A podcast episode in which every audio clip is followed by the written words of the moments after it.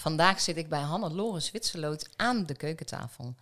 En de rollen zijn omgedraaid, want ik mag Hannelore de vraag stellen. Dit is heel gek, want normaal neem ik hier altijd mijn podcasts op. Wij hebben net ook een podcast opgenomen. En nu ga jij mij dus interviewen. Dus En dan ook aan jouw keukentafel. ja, Dus, eh, en ook nog met het geluidssysteem van Hannelore. Jongens, dit wordt de, de meest mooie podcast ever. Dat zijn jullie helemaal niet van mij gewend. Maar hè, exception to the rule. eh, echt te danken aan Hannelore. En eh Hannelore, wil jij met de luisteraars delen? Ja, ik ga er altijd vanuit dat iedereen weet eh, wie jij bent. Ik denk echt dat iedereen die dit luistert dat ook weet. nou, Nou, ik denk, ik denk van wel, maar eh, ik zal nog een polletje opgooien als ik de podcast plaats. Ehm, wil jij vertellen waar de mensen jou van kennen, wat, wat je nu doet? ik werk nu vooral als voice-over. Dus dat betekent dat je mijn stem kan eh, kennen van eh, reclames op radio, tv. ehm, heel veel webvideo's voor bedrijven, telefoonsystemen, dat soort dingen spreek ik eh, bijna dagelijks in. Ik heb thuis ook een studio waar ik dat allemaal doe. Ehm, verder ben ik binnenkort te zien in De Alleskunner. En misschien hebben mensen mij gezien in Special Forces VIPS. Een heel heftig programma, wat een eh, bijzondere ervaring was. Ja, en daarvoor heb ik eh, heel veel jaren bij de radio gewerkt. De laatste jaren als sidekick bij de 538 Ochtendshow. En daarvoor als eh, nieuwslezer, ook bij Radio 538, bij Koen en Sander onder andere. En bij heel veel andere commerciële radiozenders. Ehm, dat. Ik heb ook nog een jaartje tv gedaan. Vijf uur live was dat, zeg maar de, de, de middagversie van Koffietijd. Ehm, ja, dat is het eigenlijk wel. En voor de rest, eh, af en toe ben ik eh, columnist. Ik, eh, op Instagram ben ik soms heel druk. En, en mijn eigen podcast natuurlijk, Hannelore in je oren. ja, heerlijk. En Hannelore in je oren kunnen de luisteraars ook vinden via Spotify, toch? Ja, klopt. Via alle grote platforms. Ja, superleuk. Hannelore in je oren. Yes, ik vind het, het, het bekt ook super lekker. Ja, ik, ik dacht, ik ga een eigen podcast beginnen. En dat moet echt mijn eigen ding worden. Ik had zo lang eh, radio gedaan, eh, dus in programma's gezeten, met mannen gezeten, met serieus nieuws was ik bezig geweest. En ik dacht, ik wil gewoon een podcast maken dat een, een soort leuke ja, talkshow-achtig iets wordt over onderwerpen die ik zelf boeiend vind, met mensen die ik zelf leuk vind. Ik ga daar gewoon echt de, ja, een soort Hannelore-show van maken. Ja, Maar het moet ook niet weer te hoog gegrepen zijn of te hoogdragend, hoog, hoogdravend klinken. En toen dacht ik, het is gewoon Hannelore in je oren. Want ja, je, ik luister podcast altijd als ik aan het wandelen ben buiten met oortjes eh, in. Denk ik, ja, dan zit ik in je oren. ja. En meer dan dat is het niet. Ja, ik vind het heerlijk. Ja, ik heb het zelf ook. Dat ik inderdaad, als ik podcast luister, altijd met de oortjes. Omdat inderdaad, eh, ik vind als je een podcast, podcast gaat luisteren en het is zonder hè, in je oren iets te hebben of een koptelefoon op, dan komt het minder binnen bij me of zo. Ja. Ja, en het is ook, ik vind het een hele eh, intieme manier ook om eh, informatie te delen en, en gesprekken te hebben. En ik heb zelf de podcast die ik luister. Ik voel altijd zo'n band met diegene die dat doet. Dus ik dacht, ja, mijn, mijn eigen naam moet er ook wel in zitten. Dat mensen wel weten van, oh ja, je krijgt Hannelore. Ja, En eh, ja, het, het, het moet ook vooral iets, iets luchtigs worden. En dat, eh, dat is denk ik wel gelukt. ja zeker. Zeker. En ik, het, ja, wat ik zeg, het bekt lekker. En ook, eh, we maakten er daar straks al een grapje over, maar jij hebt ook altijd een koptelefoon. En bij de foto Dat ook, ja. zie je ook een Het koptelefoon. hoort bijna bij mijn kapsel, die koptelefoon. Ja. Ja. En eh, ja, ik vertel, eh, val ook echt meteen met de deur in huis. Welke ambities heb jij op werkvlak? Dat je echt Ja. denkt van ja, dit zijn echt eh, ja, dingen die op mijn lijstje staan, eh, die ik graag wil manifesteren. Ja, ja, daar zit ik echt middenin nu eh, in het proces. We hebben daar al een paar gesprekken eerder Ja. over gehad. Hè. Jij hebt mij ook gecoacht als business coach, waar ik ontzettend veel aan heb gehad. En ehm, één ding is me ook heel goed bijgebleven, wat je zei van ik wil heel graag, namelijk een, ehm, dat wilde ik vroeger al en dat wil ik eigenlijk nog steeds. Dat is een soort eigen talkshow. Ik was enorme fan van Oprah Winfrey Ja. altijd, omdat zij gewoon volledig zichzelf was. En ook eh, vanuit haar eigen persoonlijkheid hele mooie gesprekken kon hebben met mensen. Mensen kon informeren, ook over, over gezondheidsissues, hè, die tot voor kort Ja. onbespreekbaar waren. Maar ook hele luchtige dingen als eh 95% van de Amerikaanse vrouwen draagt de verkeerde maat BH. Ja, Ja, dat soort onderwerpen. Ik hou daar zo van. En dat zie je dus te- tegenwoordig niet meer. Hè. De, de talkshows tegenwoordig zijn allemaal redelijk serieus, opinierend, eh, actueel. Eh, mensen zijn het over het algemeen niet eens met, elkaar. Hè. Versterken elkaar niet, Ja. maar werken, werken elkaar eerder tegen in zo'n programma. En dan denk ik, ehm, hoe tof zou het zijn om zo'n soort talkshow te kunnen maken? Dat je echt mensen eh, eh, vermaakt, ehm, informeert, gewoon op, op een leuke manier en hele, heel veel verschillende onderwerpen kunt bespreken. En dat is iets dat wil ik al heel erg lang. Ik heb ook begrepen dat iedereen in televisieland een eigen talkshow wil. Dus dat was natuurlijk een beetje ontmoedigend. Dus ik gooide dat bij jou hè, op Ja. tafel in dat eh, gesprek. En toen zei jij van ja, maar eigenlijk wat jij doet met je podcast is ook een soort van talkshow. Ja, En toen dacht ik, ja, verrek, dat is ook gewoon zo. Eigenlijk doe ik nu met mijn podcast wat ik met die talkshow eh, ooit wilde, waar ik ooit van droomde. En op het moment dat je daar een camera op, op zet, dan ben je helemaal klaar. ja. ja, want we zouden hier hè, aan de keukentafel zouden gewoon een camera kunnen draaien en Ja. je bent er. Ja, precies. Ja. Ja. dus, dat, eh, dus die talkshow, dat, is- dat is iets dat, eh, dat wil ik al heel erg lang. En dat eh, begint nu langzaam meer vorm te krijgen op een hele andere manier dan ik ooit had kunnen denken natuurlijk. Dat is een ambitie. Ehm, wat ik dit jaar heel graag zou willen doen, dat is een tekenfilm inspreken. Eh, ik werk natuurlijk heel lang als voice-over en de eerste vraag die mensen dan vaak stellen... oh, leuk, spreek je ook tekenfilms in dan? Ja, Dus dan, eh, dan nou ja, het lange antwoord is eh, nee, misschien ooit. Of dat is het korte antwoord. En het lange antwoord is dat ik uitleg van ja, ik ben vooral, hè, ik, als nieuwslezer kom ik uit die zakelijke hoek van voice-overs. En mensen die de tekenfilms inspreken, dat zijn vaak acteurs. Dus die komen vanuit een hele andere hoek. Die kunnen dat veel beter dan ik. Ik kan niet acteren. Eh, maar het lijkt me wel heel erg leuk om zo'n personage, om dat helemaal vorm te, te, te kunnen geven met je, met je stem. ja. Dus dat is voor mij echt wel next level. En de afgelopen jaren ben ik mezelf steeds meer gaan ontwikkelen als voice-over. Ik spreek ook af en toe hysterische reclames in. Of, of eh, dingen hè, dat mensen mij echt niet herkennen als ik dat doe. Dus ik schuif wel langzaam een beetje meer die acteerkanten op. En zo'n tekenfilm inspreken, dat zou dan voor mij echt de kers op de taart zijn. Dan, dan ben ik helemaal af als voice-over, Ja. snap je? Dan ben ik helemaal ontwikkeld. En natuurlijk zijn er dan weer andere dingen waar ik eh, ambities eh, voor krijg. Maar ehm, ja, zo'n tekenfilm inspreken, dat lijkt me heel erg tof. Dus dat heb ik echt op mijn lijstje gezet voor dit jaar. Yes. Ik denk van, dat ga ik dan proberen eh, ja, te, te manifesteren. Om te kijken of dat lukt. Ja, heerlijk. En dan de lijntjes uitgooien inderdaad Ja. om, eh, om de tekenfilm die helemaal bij jou past, zeg maar, in te mogen spreken. Ja, dat er een van de tof eh, personage is. Dat zal wel een beetje een soort eh diva-achtige vrouw zijn, denk ik zo. Of misschien een hele gemene stiefmoeder, dat kan natuurlijk ook. Dat zijn vaak de leukste rollen om, eh, om te spelen. Dus dat, dat staat ook echt wel op mijn lijstje voor dit jaar. En voor de rest, ja, ik zou wel weer heel graag een, een baan willen... die wat meer structuur geeft in mijn week. Dat Ja. merk ik dat ik daar echt wel behoefte aan heb. Omdat normaal als ik een hele dag zeg maar, bezig ben met de podcast... en met voice-overs inspreken, het, het voelt niet als werk. Ja, het is ook het allemaal zo leuk. Ja, En ene, ja, ik heb dus heel veel vrijheid. Maar daardoor zorgt het ook dat ik denk van ja, haal ik er wel alles uit wat, er, wat erin zit. Dus dat blijft dan een beetje aan me knagen. Dus ik zou wel weer heel graag een, eh, een baan willen met, met ook collega's. Mhm. Ehm, die mis ik ook wel. Want als ik eh, een beetje mijn best doe, zit ik eigenlijk de hele dag alleen maar op zolder een beetje te ploeteren Ja. in mijn uppie. Dus Ja. dat is een beetje eenzaam. En ik heb echt wel behoefte ook om, eh, aan, aan mensen om me heen. Dus ik zou wel heel graag een baan willen voor ehm, nou een paar dagen per week, denk ik, eh, bij de radio of bij televisie. Dat maakt niet zo heel veel uit. En ik zou wel weer wat meer willen gaan schrijven. Dus misschien een column of een eigen blog omdat ik schrijven heel erg leuk vind eh, om te doen. Tot voor kort deed ik dat ook elke week voor, eh, voor Wendy Online. Ja. Een blog over schrijven. Maar ik zou wel over iets, iets meer eh, gevarieerde onderwerpen willen schrijven. Dus dat, dat wil ik ook nog verder gaan ontwikkelen. ja, leuk. En heb je dan ook al bepaalde magazines of, of, of media op, op het oog? Als je er iets over wil delen. Hè? Maar Mhm. heb je al iets in gedachten waar je voor zal schrij wil schrijven? Of, Nee, ik, ik vind zelf de Linda vind ik een heel erg leuk blad. ja, Daar ja, zou zeker. ik ooit nog wel een keer in willen staan ook. Ja, Ehm, wat ik eh, voorheen altijd heel graag wilde, dat was in een eh, mama-blad te staan. Vanaf het moment dat ik kinderen kreeg, eh, de, de oudste is nu 13 jaar, dus zo lang al had ik abonnementen op de Fabulous Mama en de Kek Mama en de, de FIFA Mama. Ik dacht altijd, oh, ik wil daar heel graag een keer in staan met, een- met een interviewtje Ja. of, of met een mooie foto. En eh, uiteindelijk is dat dus gelukt. Dat was vorig jaar voor de Fabulous Mama. Prachtige fotoshoot erbij, waar ik echt waanzinnig dankbaar voor ben. Want ja, vooral de kinderen die staan echt prachtig op die foto's. Het zijn echt geweldige foto's geworden. Met echt een mooi interview. En we stonden zelfs met z'n drietjes op de cover. oh, geweldig. Nou, mooier wordt het niet Ja, natuurlijk. geweldig. Dus dat, dat was iets, dat heb ik ook voor mijn gevoel wel echt eh, gemanifesteerd. Dat was echt een droom die, eh, die uitkwam. Dus daarom dat ik denk van ja, ik zou nu wel ergens een soort vaste column in, in, in willen Ja. hebben. Dat lijkt me wel helemaal te gek. Linda vind ik een mooi blad. Eh, de Wendy vind ik een mooi blad. Ja, heel veel eh, van, die, van die damesbladen, dat spreekt me gewoon heel erg aan. ja.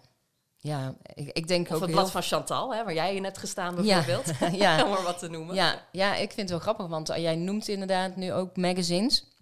En als ik inderdaad op social media kijk ook wat ik volg, precies die namen. Hm, ja. Dat je inderdaad, eh, ja... ja, dat zijn die, die sterke vrouwenmerken. Ja. En dat, eh, dat, dat spreekt jou natuurlijk ook heel erg aan. Ja, Dus dat, eh, ja, dat zou ik wel heel erg, erg graag willen. Dus zo'n soort blad. ja, gaaf. Superleuk. En, ja, en, mooie ambities. En ook eigenlijk Oprah van de podcast. Superleuk. ja, Ja, nou ja, kijk, opera is natuurlijk een soort van... die, die staat zo hoog. Die vrouw vind ik zo geweldig. Ja, en het mooie is dat, eh, dat Oprah is Oprah en jij bent Hannelore. Hè? Dus dat vergelijken hoeft ook niet per se, maar wel ehm, ook wat je doet. En, en ik vi- vind dat ook heel tof wat je teruggaf van... Ja, ik zou dat graag willen, want eh, het is echt die eenheid. Hè? Want Oprah, die ging echt niet strijden op het podium... en die ging echt niet iemand eh, verbaal, zeg maar, eh, Nee. tot de grond Nee, werken die liet of zo. iedereen gewoon eh, in zijn waarde en, en Ja. ook volledig tot, tot bloei komen bij Ja. haar in de uitzending. Dat vond Ja. ik altijd zo mooi. En hoe ze dat dan deed, hè, of heel erg doorvragen of vanuit haar eigen ervaring zichzelf kwetsbaar opstellen. Ik vond dat altijd een hele mooie manier van interviewen. Ja, en dat doe jij inderdaad ook. Dus zo mag je het eh, bekijken. En ik, ik vind het ook mooi hoe je... Want daar had ik eigenlijk nog helemaal niet bij stilgestaan. Want ik heb natuurlijk ook in mijn jeugd tig Oprah's gezien. Want ik, ik vind het ook echt een hele mooie vrouw. En, ehm, maar ook wat je zegt inderdaad, in de huidige... Dat is waarom ik bij bepaalde talkshows eh, een soort allergie krijg. Omdat het echt de ander...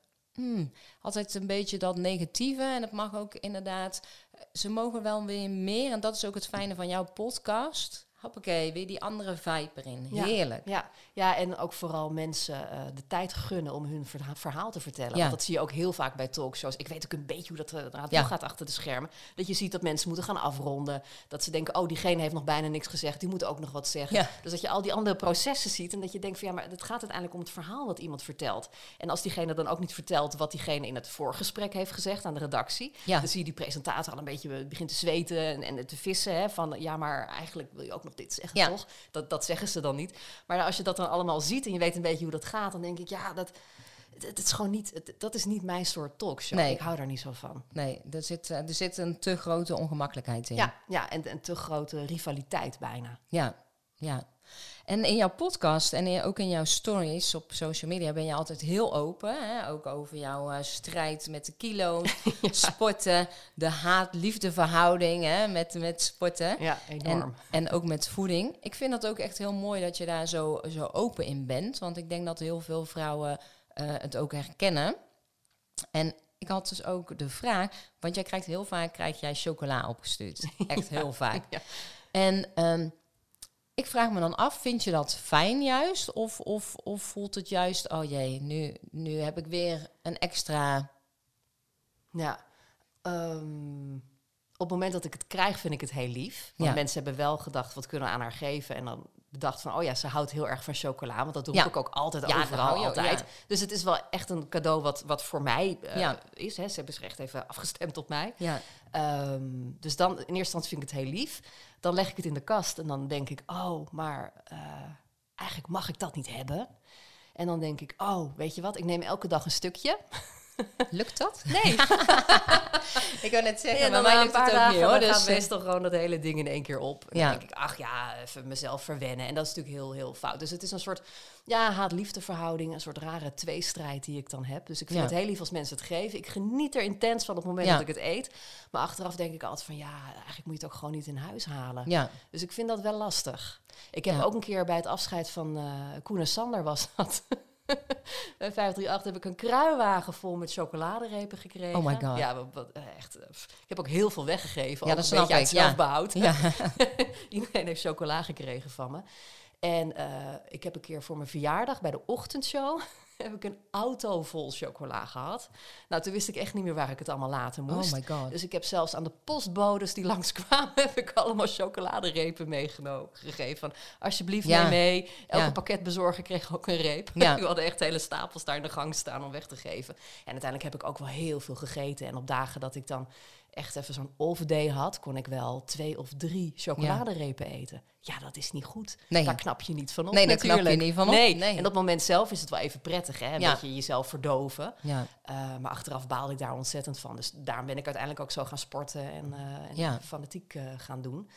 Maar het is, ehm, ik vind het moeilijk. Ik denk wel dat ik nu de discipline heb om het niet te doen. ja, Ehm, maar de motivatie is er nu even niet. ja. Omdat ehm, ik had een tijd geleden een, een blessure, terwijl ik op dat moment echt eh, op, op mijn fitst was. Eh, dat was na Special Forces Vips. Toen heb Ja. ik echt een paar weken op de bank gelegen, want ik had, ik had pijn. En toen heb ik ook alles losgelaten. Ik had zo hard getraind voor dat programma. En eh, ik kwam zo verkeerd terecht bij de eerste opdracht Ja, dat ik meteen eh, af was. ik was helemaal bont en blauw. En toen vond ik mezelf ook zo zielig, omdat het voor mij zo'n tegenvaller was hoe dat fysiek was uitgepakt. Eh, dat ik dacht van ja, ik ga nu gewoon lekker, eh, lekker snoepen, lekker eten. Ik had zo streng gedaan Ja. de afgelopen periode. Beter is natuurlijk om een normaal eetpatroon te hebben. En jezelf af en toe eh, iets lekkers Ja. te gunnen. En gewoon kijken waar je lichaam behoefte aan heeft. Ik weet het, maar goed, zo werkt dat helaas niet in mijn hoofd. Dus toen ben ik enorm gaan snoepen. En ik heb het nu wel een beetje genormaliseerd. Maar als ik heel eerlijk ben, ja, ik, ik moet ook gewoon veel gezonder bezig zijn. Ik moet gezondere keuzes maken. Jij zei dat ook in je training. Van voel gewoon waar je, waar je behoefte aan hebt. En, en maak gewoon voor jezelf de keuze. Wat, wat is goed voor Ja. mij elke dag weer? ja. Dus daar, eh, ja, daar ben ik wel mee bezig. Dus ik probeer het wel binnen de perken te houden. Maar ik moet altijd nog een soort extra motivatie van, bu- van buitenaf hebben. Ja. Een doel om naartoe te trainen. En dat heb ik op dit moment niet. Oké. Dus dan, ja, ik, ik eet niet wat ik zou willen eten. Maar ik eet wel meer en fouter dan ik eigenlijk zou willen. Ja. En het moeten mag eraf, hè? Want ik Ja. moet, ik moet. Je mag, je mag. Ja. Dus jij mag. Ja, En, dan wordt het ook al minder zwaar, denk ik. En ik zei het net ook, hè, we hadden het er net over, over een snoeplade. Ik heb ook dagen hè, dat de pakkoekjes, dat die alleen door mij, nou ja, mijn kinderen hebben er dan misschien eentje op. En dat de rest, dat ik die, ja, ik, ik heb dat met pennywafels van die, die, die, Oh, ja, ja. die zijn ook gewoon, eh, nou, hè, dat is gewoon één hap. ja. Maar wat ook heel mooi is, want, want ik stel bewust die vraag, want waar kunnen mensen je... Want ze doen dat natuurlijk ook wel bewust. Want echt, ik heb nog nooit een kruiwagen eh, vol chocola en een auto. en dat, die liefhebberij mag er zijn. Want Ja. ik geloof ook dat het... eh, het is niet het afsferen van chocola, is niet de oplossing. Tuurlijk niet. Maar Nee. waar zouden ze je volgende keer als ze jou willen verrassen... en toch iets op willen sturen... waar word je ook super, super blij van? Ik wist dat je deze vraag ging stellen, dus ik heb daarover nagedacht. En ik vind dat dus heel erg moeilijk. Ehm, wat ik leuk vind, is bijvoorbeeld een dagje naar de sauna gaan. Ja? Eh, wat ik leuk vind, is... eh, ja, weet je, dat zijn eigenlijk de, de luxe dingen die ik dan niet voor mezelf doe. Bijvoorbeeld een, eh, een gezichtsbehandeling, Ja? zoiets. Of een mooie haarborstel. Ehm, badolie. Badolie, jongens. Badolie. Hebben jullie het gehoord? Die niet Badolie. schuimt. Die niet Die schuimt. niet schuimt. Want dat is echt de manier ook hoe ik kan ontspannen aan het eind van de werkdag. Is dat ik lekker in mijn bad ga liggen. En dan heb ik... ehm, hij was echt niet duur hoor, maar ik wilde per se een bad met van die jets aan de zijkant. ja, Dus ja. dat, dat er wat gebeurt in bad. heerlijk. En eh, heel veel badolies, die, die, schuimen wel. Dus dan doe ik even mijn ogen dicht en doe ik ze open. En dan heb ik een soort van meter Oh schuim ja. op mijn bad. Dus dan denk je echt, oh shit, die dingen uit. Ehm, maar een, een lekkere badolie, dat, eh, daar word ik heel blij van. Ja, heerlijk. Badolie. Dus eh, voor iedereen die dit luistert en Hannelore iets wil sturen, Geen chocola, badolie. badolie. Of badolie met chocoladegeur. Oh, dat is ook prima. Dat is ook prima. Ja, dan word ik een heel ontspannen bonbonnetje. En ehm, heb je nog andere dingen? Bijvoorbeeld, eh, je ziet tegenwoordig ook van die pakketjes dat je dan eh, ehm, een pakketje droogbloemen of bloemen opgestuurd krijgt. Ik heb weinig met bloemen, moet ik zeggen. Ja. Ehm, ons huis is nogal vol en Mhm. troeperig. En we hebben twee kinderen en een hond. Ja. Ze kunnen niet heel veel dingen kwijt. En eh, ik heb met bloemen altijd, die zet ik neer. En dan denk ik altijd na een week of twee, wat ruik ik toch? Oh ja, Wat stinkt daar zo? ze ook weer. En dat zijn dus gewoon die bloemen. En dan Ja. is dat water helemaal vies geworden. En ja, de rest van het gezin heeft er ook weinig mee. Ja. Een leuk plantje daarentegen, dat is wel eh, zeker welkom. ja, Maar soms lukt het om er één in leven te houden. Dus, eh, nep, nepplanten, dus ook welkom. Ja, ja, ja, ja, ik heb inderdaad twee neppers in de kamer staan. Want het een deel van ons huis is best wel donker. Terwijl ik er wel wat groen wilde hebben. En toen zei iemand die mijn huis uh, hielp inrichten, die had allemaal leuke ideeën daarvoor. Van joh, je zet gewoon pla plastic plant neer, wat maakt jou het uit? En ik denk, ja, maar plastic plant, Ja, dat is toch... Ik vind dat zo lelijk. Je gaat er geen plastic plant neerzetten, maar ze staan er nu. En het valt mij niet meer op dat ze van plastic zijn. En het gevoel is wel vrijwel hetzelfde. Ja. En ik hoef niet te kijken van, oh, is die dood? ja. Leeft hij nog? en dan ook, hè? Is die dood? Oh, hij leeft hij nog? Ja, ja, maar deze plant die hier staat achter mij, dat is een echte plant, maar dat zie je ook wel. Het is een beetje een raar model geworden inmiddels. Maar wel een mooi Maar die plantje. overleeft het al ruim een Ja. jaar. En eh, staat er ook mooi bij, inderdaad. Dus het, het kan wel. Dus planten zijn ook welkom. oh ja, planten en eh, inderdaad badolie eh, die niet schuimt. ja, ja, en een, een bon voor iets, voor een behandeling Ja. of zo. Dat, eh, dat Ja. is ook leuk. Of iets voor de kinderen. Oh ja. Want als mijn kinderen blij zijn, ben, ben ik zelf ook blij. En, en jouw kinderen, worden die dan blij van, van, van bijvoorbeeld sieraden of, of Ja. nagellakjes? De jongste wordt heel blij van die, van die meisjesdingen. Die is erg van de make-upjes en de, de accessoires en, en dat soort dingen. Tasjes Ja, en kettingjes en glitter, eenhoorns, dat soort dingen. En de oudste die wordt heel blij van een, eh, van een leuk boek of iets eh, stoers. ehm, of bijvoorbeeld eh, iets voor de telefoon of dat Oh soort ja. dingen. Die is 13. Oh, Dus, geweldig. meer in die fase. En dat is ook echt gewoon een, stoere meid. Dus daar moet je echt niet mee aankomen met kleine accessoires Nee. of glitterdingen of zo. Oh, leuk. Ja, maar gewoon een goed boek. Zoiets Ja. is ook altijd, altijd welkom natuurlijk. Ja, mooi. Nou, in ieder geval, hè, dan, dan de luisteraars die kunnen in ieder geval nu iets anders sturen dan chocola. Waar zouden ze mij iets sturen, toch? Maar ook, eh, het is wel leuk, want eh, ik hoop natuurlijk ook dat jouw luisteraars, hè, dat ik, ik ga een Insta-post maken dat over deze podcast en dan zet ik erbij, wil je Hannelore een leuk cadeautje sturen en geen chocola, luister deze podcast. ja, of doe jezelf een plezier en eh, koop iets van mij, luister lekker voor, je, voor jezelf. Ja. En maak er een foto van en stuur dat mij. Oh Vind ja. ik ook leuk. Ook leuk. Oh ja, dat is ook wel een hele Ja. leuke Nou, wat ik je vind zegt. vrouwen die mogen zichzelf wel wat meer verwennen. We moeten al zoveel. En ja, jij zegt altijd je moet niks, maar eh, ja, je moet toch van alles qua werk, qua gezin. Hè? Dan moet je ook eens een een leuke echtgenoot zijn en eh, voor je familie zorgen vaak ook nog. Dus ja, verwen jezelf ook wat vaker. En dat zeg ik ook tegen mezelf. Maar, maar gun jezelf ook wat meer die, die momenten die gewoon echt voor jou zijn. Ik denk Ja. dat veel vrouwen daar zichzelf heel erg tekort in doen. Ja, die, die eh, mogen. Er zijn nog steeds vrouwen inderdaad die prioriteren zichzelf niet. En die eh, mogen inderdaad wel vaker dat soort En ik herken dat zo, omdat ik zelf ook zo eigenlijk in elkaar zit. Dus daar moedig ik altijd aan van, kom op, eh, gun jezelf een moment en gun jezelf de, de tijd om gezond te, Ja. bezig te zijn, om te sporten, om, om gezond eten klaar te maken. Ja, Omdat ik dat zo herken, dat je jezelf dat niet gunt. ja. En het mooie is, ik stel nu meteen een vraag. Wat ga jij jezelf deze week gunnen op dat vlak? Nou, ik ben deze week nog niet in bad geweest, dus daar ben ik echt Yes. enorm eh, van plan om dat vanmiddag eh, alsnog te kunnen gaan doen. Heerlijk. Eh, wat gun ik mezelf? Ik ga denk ik vanmiddag ook lekker naar buiten, de zon schijnt. Ja, En ik vind het heel fijn om dan een stukje met de hond te lopen en dan een eh, fijne podcast te luisteren. En dan gewoon mijn gedachten lekker de vrije loop laten en dan nieuwe ideeën op te doen. ja Vaak heerlijk. kom ik dan wel redelijk geïnspireerd terug. En ik heb ook meteen het idee dat ik weer wat nuttigs heb gedaan, want de hond is lekker uit geweest en dan hoeft mijn man dat niet te doen. Ja, Eh, dus, dus dat. En wat gun ik mezelf? Ik denk dat ik ehm, de komende dagen ga gebruiken. De- dat is ook naar aanleiding van jouw komst hier.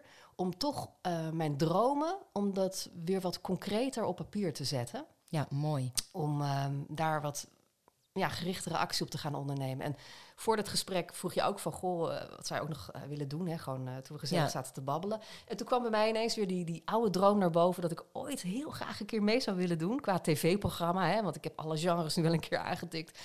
Aan een dansprogramma. Ja, Want ja. als, als meisje vond ik het zo heerlijk om te dansen. Daar kon ik mezelf helemaal in, in verliezen. Ik was altijd heel erg verlegen. Maar op het moment dat ik op zo'n podium stond, ging ik helemaal aan. En eh, mensen zeiden ook altijd, oh, daar moet je, moet je wat mee gaan doen met dat dansen. En Je, ja, dans zo makkelijk en het is zo leuk om naar te kijken. Eh, moet je niet professioneel worden. Maar het- wat mij heel erg tegenstond, dat was de danswereld zelf. Eh, die meiden onderling was altijd eh, een enorm nare sfeer. En Ja. omdat ik vroeger goed kon dansen, zat ik ook altijd bij meiden die drie, vier jaar ouder waren dan ik. En eh, ik was altijd zeg maar het kleintje en ik werd een beetje gepest, er werd op neergekeken. Ja. En dan werd ik in de les of op, eh, hè, als we dan een optreden hadden, werd ik dan weer vooraan gezet. Nou, dan wist ik al, oh, dan krijg ik straks weer allemaal na- ja. nare reacties Ja. van die andere meiden. Dus dat vond ik heel vervelend. En uiteindelijk ben ik er toen ook mee gestopt, omdat we toen verhuisden. En dan wist ik dat mijn moeder heel uh, lang moest gaan rijden om mij daar naartoe te brengen. En daar voelde ik me ook schuldig over. Dus toen ben ik gestopt. Wat natuurlijk zonde is, want misschien had mijn leven er wel heel anders uitgezien. Kijk, en nu ben ik helemaal blij hoor, met Ja. hoe het alles eh, heeft uitgepakt. Maar dan denk ik ooit, hè, als, ik, als ik dat meisje van toen nog een keer eh, een plezier wil doen... of misschien naar buiten wil laten komen...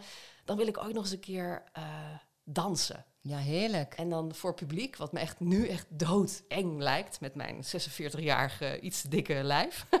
maar ik zou dat wel heel graag willen. Dus als je aan me vraagt van... goh, wat zou je nog, nog ambiëren... dan is dat echt wel een soort droom van mij. En ik denk dat ik daar de komende dagen eens even goed mee aan de slag ga. Qua gevoel of, of waarom wil ik dat? Of ehm, ja, op wat voor manier kan ik ook die droom nog aantikken? eh, misschien op een andere manier. Ja. Want het hoeft, ik hoef natuurlijk niet per se eh, in een eh, te strakke panty op een podium te gaan Nee. staan hupsen. Misschien kan het ook op een hele andere manier. Dat ik dat gevoel van eh, te durven stralen, dat ik, Ja. dat, dat ik dat op een andere manier kan krijgen. Dus Ja. daar ga ik eens even goed over nadenken de komende dagen. Ja, leuk. Dat heb je wel even aangezet bij mij. Yes, yes, yes. Ja, en dat is natuurlijk het allerleukste. Ja, ik moe- moest het moest, hè. Ja. Mag het tegen je zeggen, dus dan eh, mag het er zijn. Ja, jij krijgt dat dan allemaal door, hè? Ja, dat is mijn intuïtie, hè? Dan mag ik het nog even tegen je roepen. En ook, jij zei net, hè, en ik ga er toch iets over zeggen. Je zei met mijn iets te dikke lijf. Nou, serieus, Hannelore, echt, het, het, ik ga dat toch even ook delen met de luisteraars. Want Hannelore en ik kennen elkaar natuurlijk, maar we hebben elkaar nooit live ontmoet. In ieder geval niet live in real life, zoals Ja. dat we nu met elkaar zitten. Maar wat gewoon direct opvalt, is jouw appearance, zeg maar. En niet wat, wat jij, jij zegt vaak zulke lelijke dingen over je lijf. Dat, dat vind ik dus als, dat mag Ja. niet meer als vrouw, zeg nee, maar. dat moet je ook niet zeggen, inderdaad. Want eh, je bent echt super lang ook, 1,80 meter. Echt, eh, en, en zo, je haren, alles klopt, zeg maar. En ik geen lelijke woorden meer over. eh, dus ook voor eh, de mensen die Hannelore volgen. Als jullie erop trappen, stuur me een DM'tje. Want dan stuur ik even, hey, liefde Ja. naar de body. Of stuur voor straf chocola. Ja, nee, nee, nee, geen chocola. Geen chocola. Badolies en... nee, je hebt helemaal gelijk. Maar ja. dat, is, dat is iets dat, dat zit heel diep in mij. En dat is wel een beetje aan het slijten. Ja, Ik ben daar wel mee bezig. Daarom eh, knal ik mezelf ook regelmatig op Instagram. Daarom heb ik ook een vlog gehad waarin ik ging sporten. Dat ik dacht, Ja. van, ja, moet ik dit nu laten zien? Want de meeste mensen die je ziet sporten op Instagram... die hebben zo'n eh, strakke legging Ja. aan. Die zien er fantastisch uit. Ja, en, en ik voelde me net een gepimpt worstje... op het moment Ja. dat ik met zo'n sportlegging hees... en op Instagram eh, dat allemaal liet zien. Maar dat heb ik wel heel bewust gedaan. Dus ik zit ook nog wel in dat, in dat proces. En ik vind het ook heel belangrijk om dat mezelf aan te leren... omdat ik dat dus niet wil doorgeven aan mijn dochters. ja, En eh, ik hoop dat zij gewoon een heel positief zelfbeeld hebben. En ik, ik let er ook echt op eh, dat als ik weet van ik voel me nu niet lekker in mijn eigen lijf, dat ik dat dan niet uit op het moment dat zij daarbij zijn. ja. En ik, weet- mijn moeder was vroeger altijd op dieet voor mijn gevoel, dus dat Mhm. wil ik niet, niet Nee, zijn niet en, niet doen. Nee. Dus ik laat wel zien van kijk, ik eet meer groenten, dus ik, ik maak bewuste keuzes. Ja. En, of ik, ik kies er nu voor om niet te snoepen. Maar ik, ik hoop wel dat, dat dat lukt om, om mijn dochters in elk geval een wat positiever zelfbeeld eh, te Ja. geven wat dat betreft. En dan mag je ook in de vrije tijd, als ze er niet bij zijn, mag je ook, hè, ook Ja. tijdens deze podcast. Ja, maar goed, ik moet altijd een beetje miepen daarover. Ja. Dus dan denk ik, als ik dat dan doe, dan doe ik het even zelf. Ja, En eh, ja, je kan, het, je kan het ook niet in één keer afleren. Nee. Die illusie heb ik ook niet. nee. Maar in dat proces zit ik nog. En dat, dat gaat op zich steeds beter. Ja, Anders mooi. ga je ook niet zo op social media staan. toch? Nee, en ik vind, en eh, hè, het is ook wel heel mooi dat jij het deelt. Want ik denk dat heel veel vrouwen, als ze die sportlegging aantrekken, dat ze denken. Ja, het is toch eh, net wat anders als Ja. wat ik eh, op tv zie. Of Ja. als, en dat is ook het hele mooie, juist omdat jij je kwetsbaarheid daar ook in deelt. Eh, dat heel veel vrouwen inderdaad zich daar ook in herkennen. En ook beseffen van, oh ja, dit is iets wat bij me hoort en ik mag daarmee aan de slag. Maar het heeft ook tijd nodig. Ja, ik had het in het begin. Ik, twee jaar geleden begon ik met hardlopen. Had ik nog nooit gedaan. Maar dan moet je dus buiten gaan rennen. Ja, Iedereen alles ziet je. Alles. Ja. ja, de zwaartekracht doet zijn werk. En, eh, en dan was ik aan het rennen en dan zeiden mensen echt, oh, goed bezig, kom op. En toen dacht ik, oh, dat zeggen ze alleen maar omdat ik dik ben. En dat was misschien ook wel zo, maar het was natuurlijk wel heel positief bedoeld. En ik had het gevoel dat iedereen mijn kont zag drillen als ik aan het rennen was en mijn rode hoofd zat, zag en dacht, joh, hou maar op, heeft toch geen zin. Maar dat is dus helemaal Nee. niet zo, omdat zo keek ik toen. Maar toen ben ik ook gaan kijken van, ja, wat... Wat denk ik als ik een vrouw eh, die Ja. een beetje op mij lijkt zo ziet lopen? Dan denk ik helemaal geen lelijke dingen. Nee, Dus dat was ook weer puur dat ik het weer vanuit mezelf dacht en ging invullen voor anderen. Dus dat is ook heel fout. Dus dat, dat ja, heb ik ook echt wel geleerd. Dat ik mezelf over die, die gêne heen moest zetten en mezelf niet zo in de weg moest zitten. Maar dat was ook echt wel uh, een grote leercurve, zeg maar. Ja, maar mooie eye-opener ook. En ik heb het ook als ik mensen zie sporten. En dan vaker als het ochtends is, dan zeg ik, wow, goed bezig. En dan helemaal niet. Het heeft niks met gewicht uh, of hoe ze eruit zien te maken. Maar ik echt respect. Als ik iemand zie hardlopen, dan denk ik echt, wow, goed bezig. En vaak doe ik dan ook zo, hè, als het aan de overkant van de straat is. Zo van, yes. Yes even motiveren, ja. dat ze het blijven doen. Ja, ja, en ik had op het laatst zelfs mensen die herkennen me dan van mijn vlog. Hè, want oh, ja. ik vlogde daar ook over. Kom op, Loor! dat was oh, superleuk. Hoe leuk ja. is dat? Ja, heel erg leuk. En uh, ja, dan ga ik wel meer dingen durven natuurlijk. En op het laatst kreeg ik ook heel veel vrouwen die vroegen... oh, waar heb je die legging van? Of hoe doe je dit of dat? Dat ik een soort vraagbaak werd van vrouwen... die tegen dezelfde dingen uh, aanliepen. Geweldig. Dus dat vond ik ook wel heel tof. En misschien ook wel een leuke, hè? Dat uh, een sponsor dat oppikt en denkt: hé, hey, wacht eens even. Ja. En dat, uh, ja, wie weet. Maar ik denk dat er heel veel vrouwen zijn die, die toch niet helemaal lekker in hun vel zitten en daarom gaan sporten. En ook ja. vooral buiten. Ja, je kon nog niet heel veel anders natuurlijk in de coronatijd. Dus, uh, en daarom heb ik het ook laten zien. Ik denk, ja, heel veel mensen zitten in hetzelfde schuitje en die durven het misschien niet. Dus daarom ga ik het gewoon wel doen, om te zien dat het gewoon kan. Ja, mooi. En ja, ook, hè, je noemde het net al, de Special Forces, jouw uh, blauwe plekken. oh, ja, die heb je ook laten zien. Ik vind dat, en dat heb ik ook tegen jou gezegd toen, want wij spraken elkaar toen ook in die tijd. Ik vind het echt heldhaftig. Dat die benen, ik maakte net al de grap, nou als ik later dementie heb, dan uh, onthoud ik nog steeds, zit in mijn lange termijn geheugen jouw blauwe benen opgeslagen. Ja. En ook daarin dat je ook echt laat zien van wow, hoe was mijn proces en, en wat is de reden dat ik echt niet meer kon. En ik heb het een stukje ook gezien dat jij dan loopt en dat het lopen eigenlijk al bijna geen optie nee, meer het was. ging ook echt niet meer. En ook dat, die kwetsbaarheid, maar ook de realiteit, want dat vind ik ook heel fijn, hè, van je laat echt zien zoals het is. En je maakt het niet mooier, het is zo. En ik denk dat dat ook zo inspirerend is voor jouw luisteraars en, en ook de volgers op jouw Instagram. Dat ze ook echt weten, ja, het is geen bullshit. Dit, dit is echt zoals het is. En je had toen ook een filmpje opgenomen dat je nog best wel in je emotie zat. Ja, ja toen was ik echt net een paar dagen thuis. Dus het was allemaal nog heel erg vers. Ik had de hele dag pijn. En ik was uh, nog zo enorm teleurgesteld, hè, wat ik net zei. Ja. Omdat ik heel veel maanden er naartoe had getraind. Um, ik had geen al te hoge verwachtingen, want ik wist van ja, dit wordt gewoon super zwaar. Ja. En uh, ik denk niet dat het voor een type als ik uh, echt the way to go is, dit. dit ja. In het normale leven zou ik, zou ik nooit getraind worden als special force. Hè. Zo reëel was ik ook wel weer. Maar ik, ik ging echt uh, met enorm enthousiasme die uitdaging aan. En ik dacht, als ik maar gewoon één nacht gewoon red... en dan, dan, dan voor de rest is het alleen maar winst. Ja. Hè? Maar ik had nooit gedacht dat ik al gewoon bij de eerste opdracht dacht... ik ga naar huis. Ja. Gewoon bij de allereerste. Ik ben niet iemand die geeft op. Nee ik, ik, ik geloof dat eh, als je echt ergens voor wil gaan, dat, dat het dan lukt. En ik ben natuurlijk heel ver gekomen op wilskracht. Hè, want op het moment dat ik, dat ik flauw viel daar op dat strand, omdat ik gewoon zo'n pijn had en gewoon die, benen en oh. al dat bloed ging daarheen natuurlijk. Ik ging echt oud. Nou, normaal doe ik dat nooit. Nee, niet? nee, nee, dat is nee. niet. Nee. Zeker niet als ik weet dat de camera's op me gericht zijn en ik enorm zin heb om aan een programma deel te gaan nemen. Dus ik was echt helemaal weg.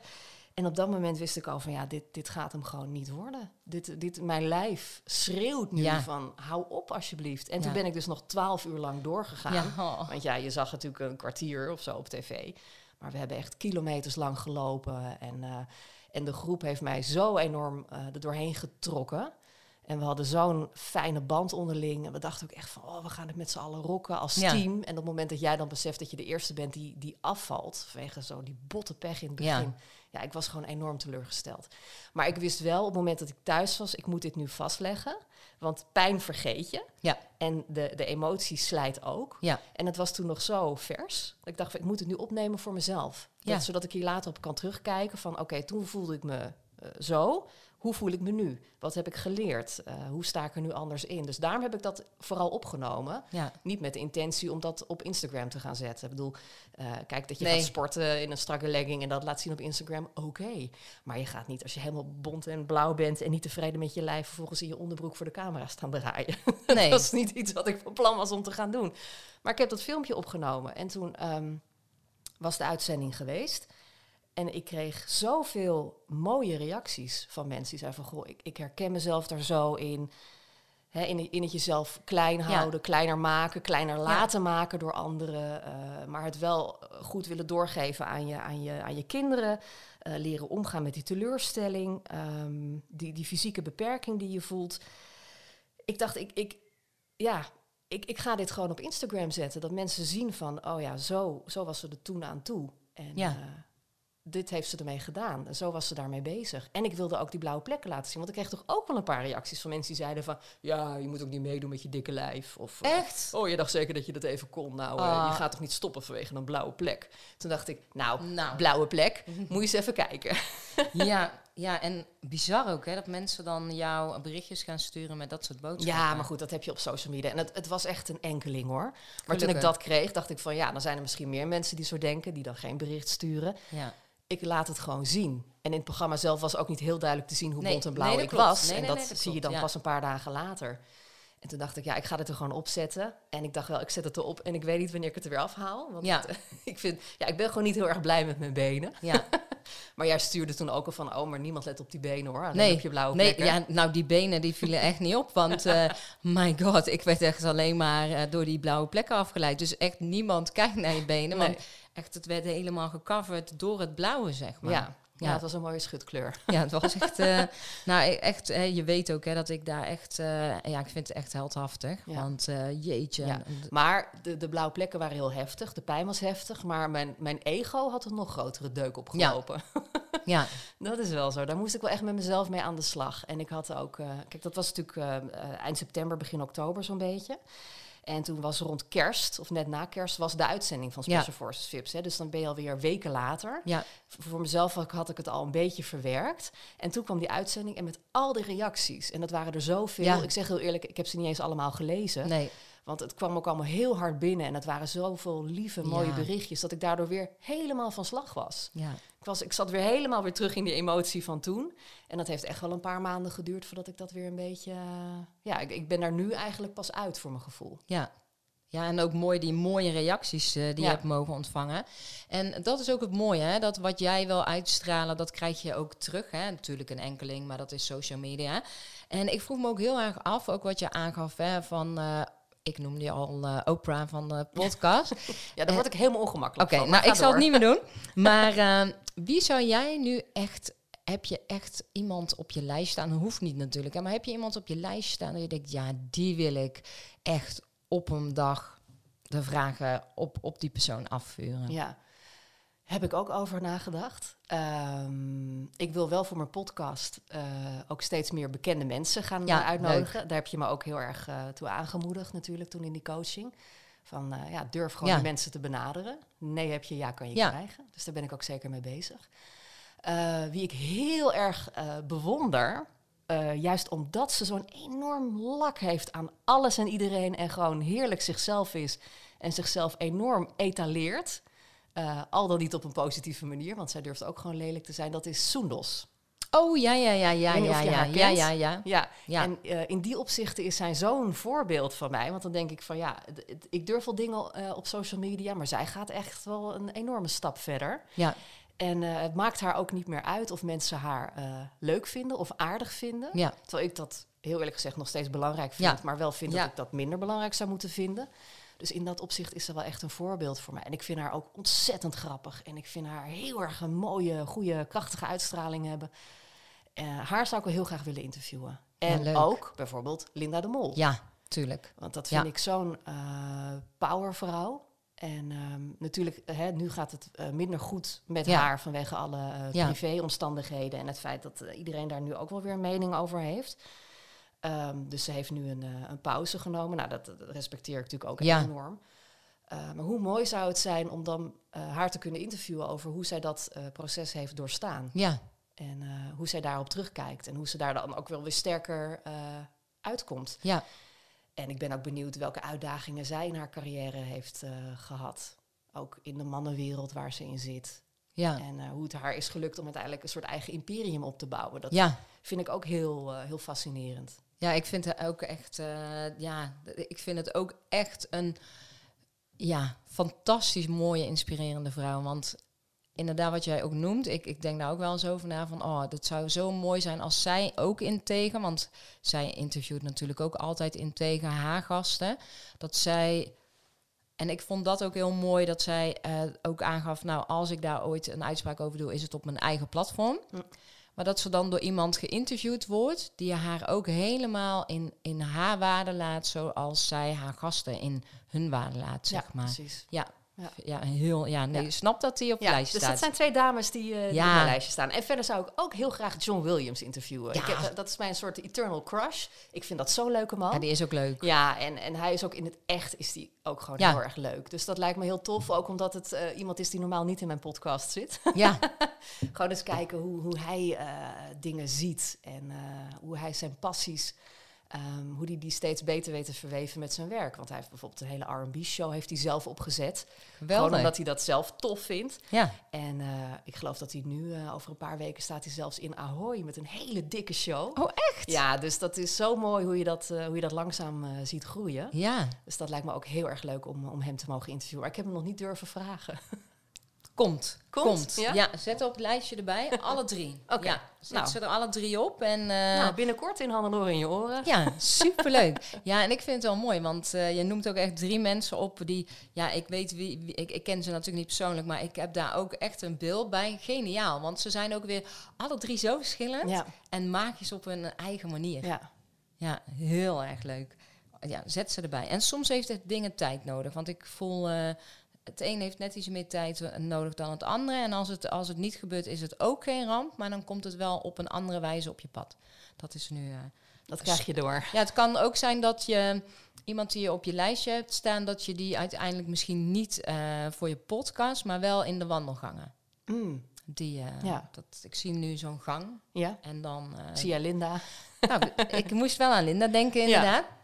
Ik, ik zag een gang en, dat, dat, eh, en dan hoef je ook, eh, als je dan iemand tegenkomt, mag je ook echt wel de vraag stellen. Hoef je niet te Mm. denken van. eh, want het is alleen maar met respect dat je ook naar haar kijkt. Ja. En ook naar Soenos en ook naar John Williams, zeg maar. Het is pure respect en vanuit ook, ja, ehm, echt die integriteit die je voelt om hele mooie vragen en die verbinding te maken. Mm, ja. Ja. Die kwam even. Nou, ben benieuwd. Ja, Dat is wel grappig om door jou geïnterviewd te worden. Dan Ja. roep ik dingen en dan zeg je, oh, ik krijg iets door. Ja, sorry.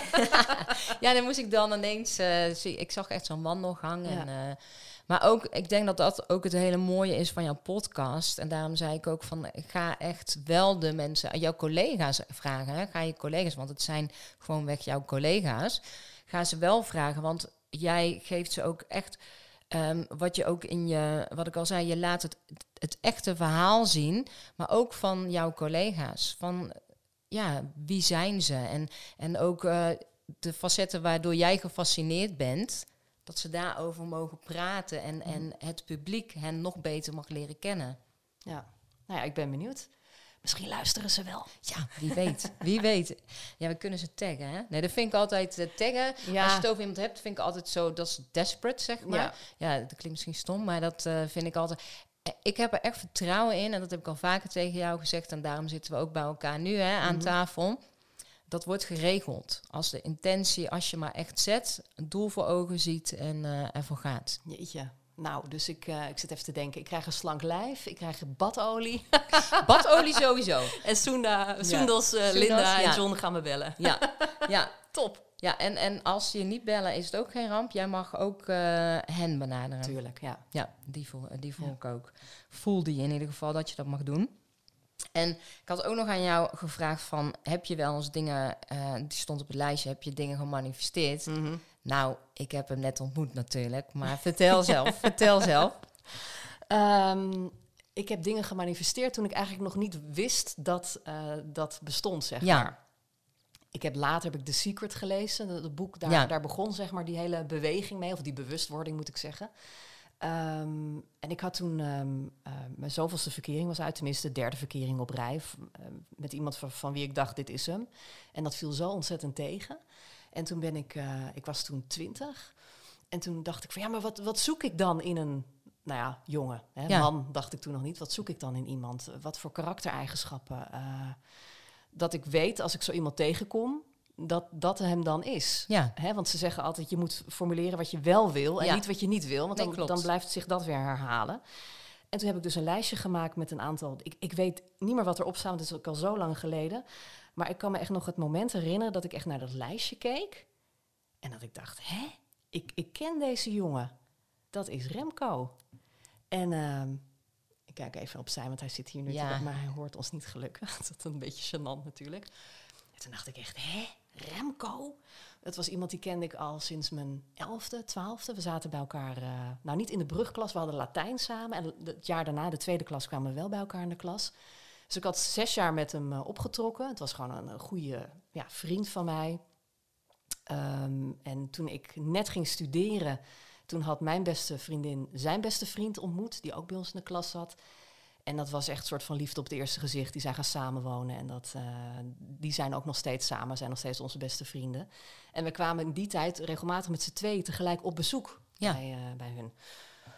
En ik had dat lijstje gemaakt en ik dacht echt, dit is Remco. En vanaf dat moment werd het, werd het zo eh, spannend als ik hem zag. Ik was Ja. helemaal van slag Mhm. omdat ik hem ineens met andere ogen ging bekijken. Want het was niet de Remco met wie ik was opgegroeid, wiens eh, gezin ik al helemaal kende. Ja. Ehm, die totaal geen boyfriend material was. Want ik viel altijd op, op oudere jongens. Grote, brede mannen, Ja. rokachtige types, lang haar. eh, pff, nou ja, ze hadden nog net geen motor, maar Ja. dat, dat type. En Remco is gewoon een heel ander type. Eh, wij zijn samen een beetje eh, Kermit en Miss Piggy. Ja. qua, eh, als je ons zou moeten Ja. uittekenen. Maar op dat moment ging ik hem op een hele andere manier bekijken. En toen vielen me ineens hele andere dingen op. En toen werd ik dus verliefd op hem. Wat natuurlijk heel raar was, want ja, ik, ik kende hem al zo lang en zo goed. En ehm, nou, toen, toen hebben we ook wat vaker met z'n tweeën afgesproken. En ik merkte, als hij me dan belde, kreeg ik helemaal van die vlinders in mijn buik. Oh, Ik denk, "Ah, wat is dit? En toen bleek dus, en toen gingen we voor de eerste keer zoenen. En ik schrok helemaal dood. En nou ja, ik was voor hem zeg maar ook echt het eerste vriendinnetje. Ja. Dus hij wist helemaal niet wat hij deed natuurlijk. En toen hebben we dat dus uitgesproken naar elkaar. En toen bleek dus dat hij al die hele middelbare schooltijd verliefd op mij was Oh. geweest. Wat ik dus niet wist. En hij kon dat ook echt bewijzen met gedichten die hij Oh, had wat geschreven. heerlijk. En hij zei ook van, ja, waarom denk je dat ik altijd zo raar deed als we dan met z'n tweeën waren? Ik dacht, ja, je zat me gewoon te pesten. Hij zei, nee, ik wist gewoon me totaal geen houding te geven. Oh, wat geweldig. Dus dat eh, ja, was heel bijzonder. Nou, vanaf dat moment waren we samen en eh, dat zijn we nog steeds. Ja. Oh, ik, ik zie echt zo'n zo'n zo'n filmscript is dit gewoon. Ja, bijna, hè? Ja. ja. Nou ja, bijna. ja. Het, het doet me echt denken aan... eh, ik heb laatst eh Tall eh, Girl 2 gezien. Ik, Ja. ik weet niet of je die Ik kent. zie het dat wel voorbij komen op Netflix, ja. Ja. En er was ook een jongen inderdaad, die was de hele tijd al verliefd op, op, op dat meisje. Maar zij had dat niet door en dan komen ze eindelijk samen. Oh, Heerlijk. Ja. Ja. ja, dat denk je, dat kan alleen in de film. Maar dus ook bij Maar ook in real life, ja, klopt. Ja, wat mooi. Ja, en nu zijn we al eh 26 jaar samen. Oh. Ja, en wat ik al zei, hij is echt superleuk. Ja. Echt, eh, want ja, jij deelt natuurlijk hem nooit op je social Hij wil, media. hij wil ook niet in beeld. en hij dat is helemaal prima. niks. Ja. Dus hij deed net de deuren open. Dus ik eh, even van, ja, eh sta ik wel bij het goede Ja, huis. ja. En ja, ook wat jij verteld had, ja, echt, echt. En ik kijk ook naar opzij, want het is leuk. Wij hebben uitzicht op Remco, die zit in een andere ruimte te werken, maar je hebt twee erkers eigenlijk, hè? En Ja. dan kun je naar de andere erker kijken en daar zit hij achter de computer. Dus Ja. wij kijken af en toe naar de zijkant. ja, superleuk. Ja, maar ik heb het ook met, met huizen gedaan in het verleden. Ik dacht van ja, wat, wat voor huis zoek ik dan? Hè, als we daar discussie over hadden. Dan zei ik, nou, dan maak ik wel een lijstje. En dan eh, gingen we dus uiteindelijk verhuizen en dan kon ik echt het hele lijstje afvinken. Echt Dus ik, geweldig. ik geloof echt dat je moet formuleren wat je wil. Ja. En op het moment dat dan de kans zich voordoet, dan herken je hem ook meteen. En dan pak je hem. ja, Dus Ja. dat vind ik heel belangrijk. En natuurlijk heb je tegenwoordig van die hele eh, stromingen, hè, die daar ook. eh, Ja. ik, ik- ik ben daar zelf ook actief mee bezig. Maar eigenlijk deed ik dat dus al voordat ik echt wist eh, dat ik dat moest doen. ja, Dus dat is wel eh het intuïtief ingegeven. Ja, dat denk ik wel, ja. Ja, super mooi. Want daar had ik ook nog een vraag over, maar ik hou ook een beetje de tijd in de gaten. En in jouw podcast hebben we hoe jij naar intuïtie kijkt ook eh, helemaal besproken. Dus misschien is het wel eh, handig dat ik ze naar jouw podcast verwijs, dat ze ook horen hoe jij over intuïtie denkt en Ja. spiritualiteit. Ja, dat kan. Ja, tuurlijk. Ja, nou, goed idee inderdaad. Nou, Ja. hij staat nu online, de aflevering van uh, Hannelore in je oren. Ja, Eh, waarom moet je luisteren naar je zesde zintuig? Zo Ja. heet hij. En eh, daar heb ik jou helemaal in ondervraagd. En je geeft ook heel veel tips over hoe je daar zelf mee aan de gang kunt. Dus ik denk, mocht je daarin geïnteresseerd zijn, dan is dat zeker een leuke aflevering uh, om te luisteren. Ja, en ook uh, het stuk dat jij ook echt aangeeft, hè, wat jij al met je intuïtie hebt ervaren en ook hoe je daar vroeger mee omging. Dus ik dacht van ja, we kunnen hem wel dubbel doen, maar ik wil eigenlijk dat ze juist luisteren naar hè, nou, niet dubbel, maar dat ze jouw podcast luisteren. Ja, nou ja, leuk, dankjewel. Ja, superleuk. En Hannelore, ik vroeg me nog af, want we, hè, de luisteraars kunnen jou vinden onder Hannelore Zwitserloot op Instagram. Mhm. Je hebt ook een website. Ja. Ja, die website is eigenlijk vooral voor mijn inspreekwerk. Oh maar die wil ik wel gaan omgooien. Uh, dat er gewoon wat meer persoonlijk in staat en dan één dingetje voor, de, voor het inspreekwerk. Dat mensen me daar gewoon over gaan mailen. Want inmiddels ben ik ja, toch wel meer dan alleen voice-over. Zeker. Dus dat, uh, die ga ik ook zeker aanpassen. Ja, dus in ieder geval op social media ben je te vinden. Instagram, heb je ook nog andere accounts? Ja, maar daar doe ik niet zo heel veel mee. Met, voice, uh, met voice, nee, uh, Facebook. Uh, maar dan heb ik gewoon zo'n normaal account. Oh, ja. Het zit dan vol met 5000 vrienden. Oh ja, nee. en ik heb wel zo'n fan-account, maar dan heb je weer twee accounts. Ik vind dat ingewikkeld. Doe maar gewoon lekker Instagram. Ja, en, Twitter, maar daar doe ik ook weer niet zo heel veel mee. Dat vind ik vooral voor nieuwsdingen. Vind je niet, Twitter? Ja, nee, ik uh, doe daar ook helemaal niks mee. Ik, ik heb inderdaad Ik vind Instagram uh, vind ik heel leuk. Ja, ik ook. ben ook de grootste fan van Instagram. Ja, leuk die filmpjes maken en alles. En mijn dochter helpt me nu ook. Ja, wel. dochter met filmpjes monteren, want daar ben ik dan niet zo goed in. En dan krijg ik weer een paar rollende ogen. En oké, boomer, kom maar hier. Dus dat Geweldig. Dus ik wil ook wat meer met filmpjes uh, gaan doen. En dan gaat ze me daarbij uh, bij helpen. Oh, leuk. Ja. Dat is ook weer het voordeel hè, van een 13-jarige ja, dochter. Ja. Die weet uh, allemaal hoe het werkt. En natuurlijk op Spotify, Hannelore in je oren. Dankjewel dat ik je mocht interviewen aan jouw keukentafel. Ja, leuk. Ja, leuke gewaarwording een keer om zelf geïnterviewd te worden hier. Ja, ja, ik vind dat... Ik heb dan altijd zoveel vragen nog. En dat ik denk van ja, ik wil echt dat, dat ook de mensen die normaal interviewen... dat die ook eens mogen vertellen wat er in hen omgaat. vind ik heerlijk. Ja. Ja, ik vind het een beetje ongemakkelijk. Ik vind altijd de, zelf, de, de, de ander weer interessanter natuurlijk. Ja, dus, uh... ja en dat, dat is denk ik ook wel uh, heel leuk om nu uh, zo te ervaren. Omdat je ook ja, nu mag jij jouw verhalen vertellen. Dan denk je, oh ja, oh ja. ja. Of heb je dat niet? Ja, zeker. Want um, ja, ook dat je zegt van, goh, uh, uh, verwoord je ambities een keer. Dat, ja. dat confronteert je wel heel erg met de vraag van, wat, wat wil ik zelf eigenlijk? Dus dat uh, is wel mooi. Ik ga daar nog even goed over nadenken. Ja, dankjewel. Jij bedankt.